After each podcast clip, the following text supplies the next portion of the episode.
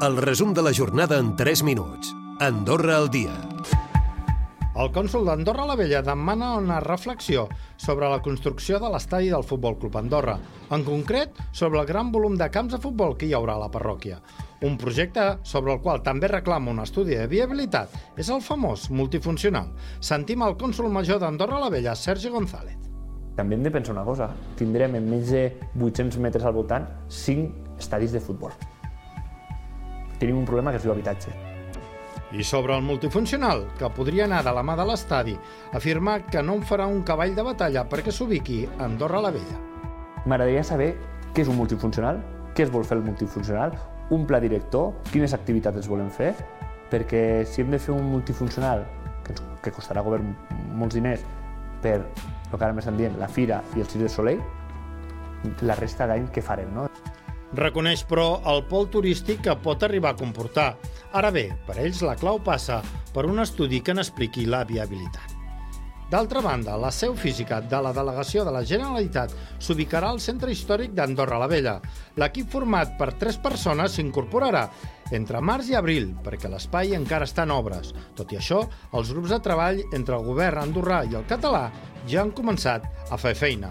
Una de les prioritàries és l'habitatge, una forta problemàtica que pateix el Principat, però també altres territoris propers com la Seu d'Urgell, amb una demanda cada vegada més important de residents andorrans que busquen alternatives a fora. Abans que acabi el mes de gener, s'ha previst que reuneixi una nova comissió que s'ha creat per treballar específicament temes transfronterers com aquest. Més coses, perquè els sindicats de bombers han traslladat a la direcció del cos la negativa a fer hores extres i guàrdies festives de manera indefinida. És una mesura de pressió aprovada en la darrera assemblea sindical, després que el govern els exclogués de la revisió salarial que aplicarà la policia i els agents penitenciaris. La setmana vinent es reuniran amb l'executiu.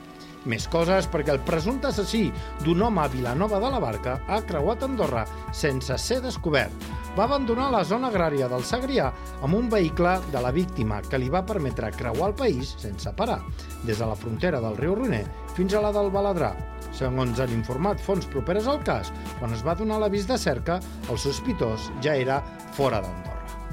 I més notícies perquè en Camp tindrà un nou aparcament amb 142 places al centre de la vila, gràcies a la remodelació en habitatges dels aparcaments comunals de Sant Miquel i Terres Primeres. Estarà situat a la zona de la Terra de la Coma Llarga i també hi haurà dos punts de recollida d'escombraries i un pipicat. Es preveu que a l'abril ja estigui enllestit. L'empresa adjudicada té un pressupost de 623.000 euros per construir. Recupera el resum de la jornada cada dia a AndorraDifusió.d i a les plataformes de podcast.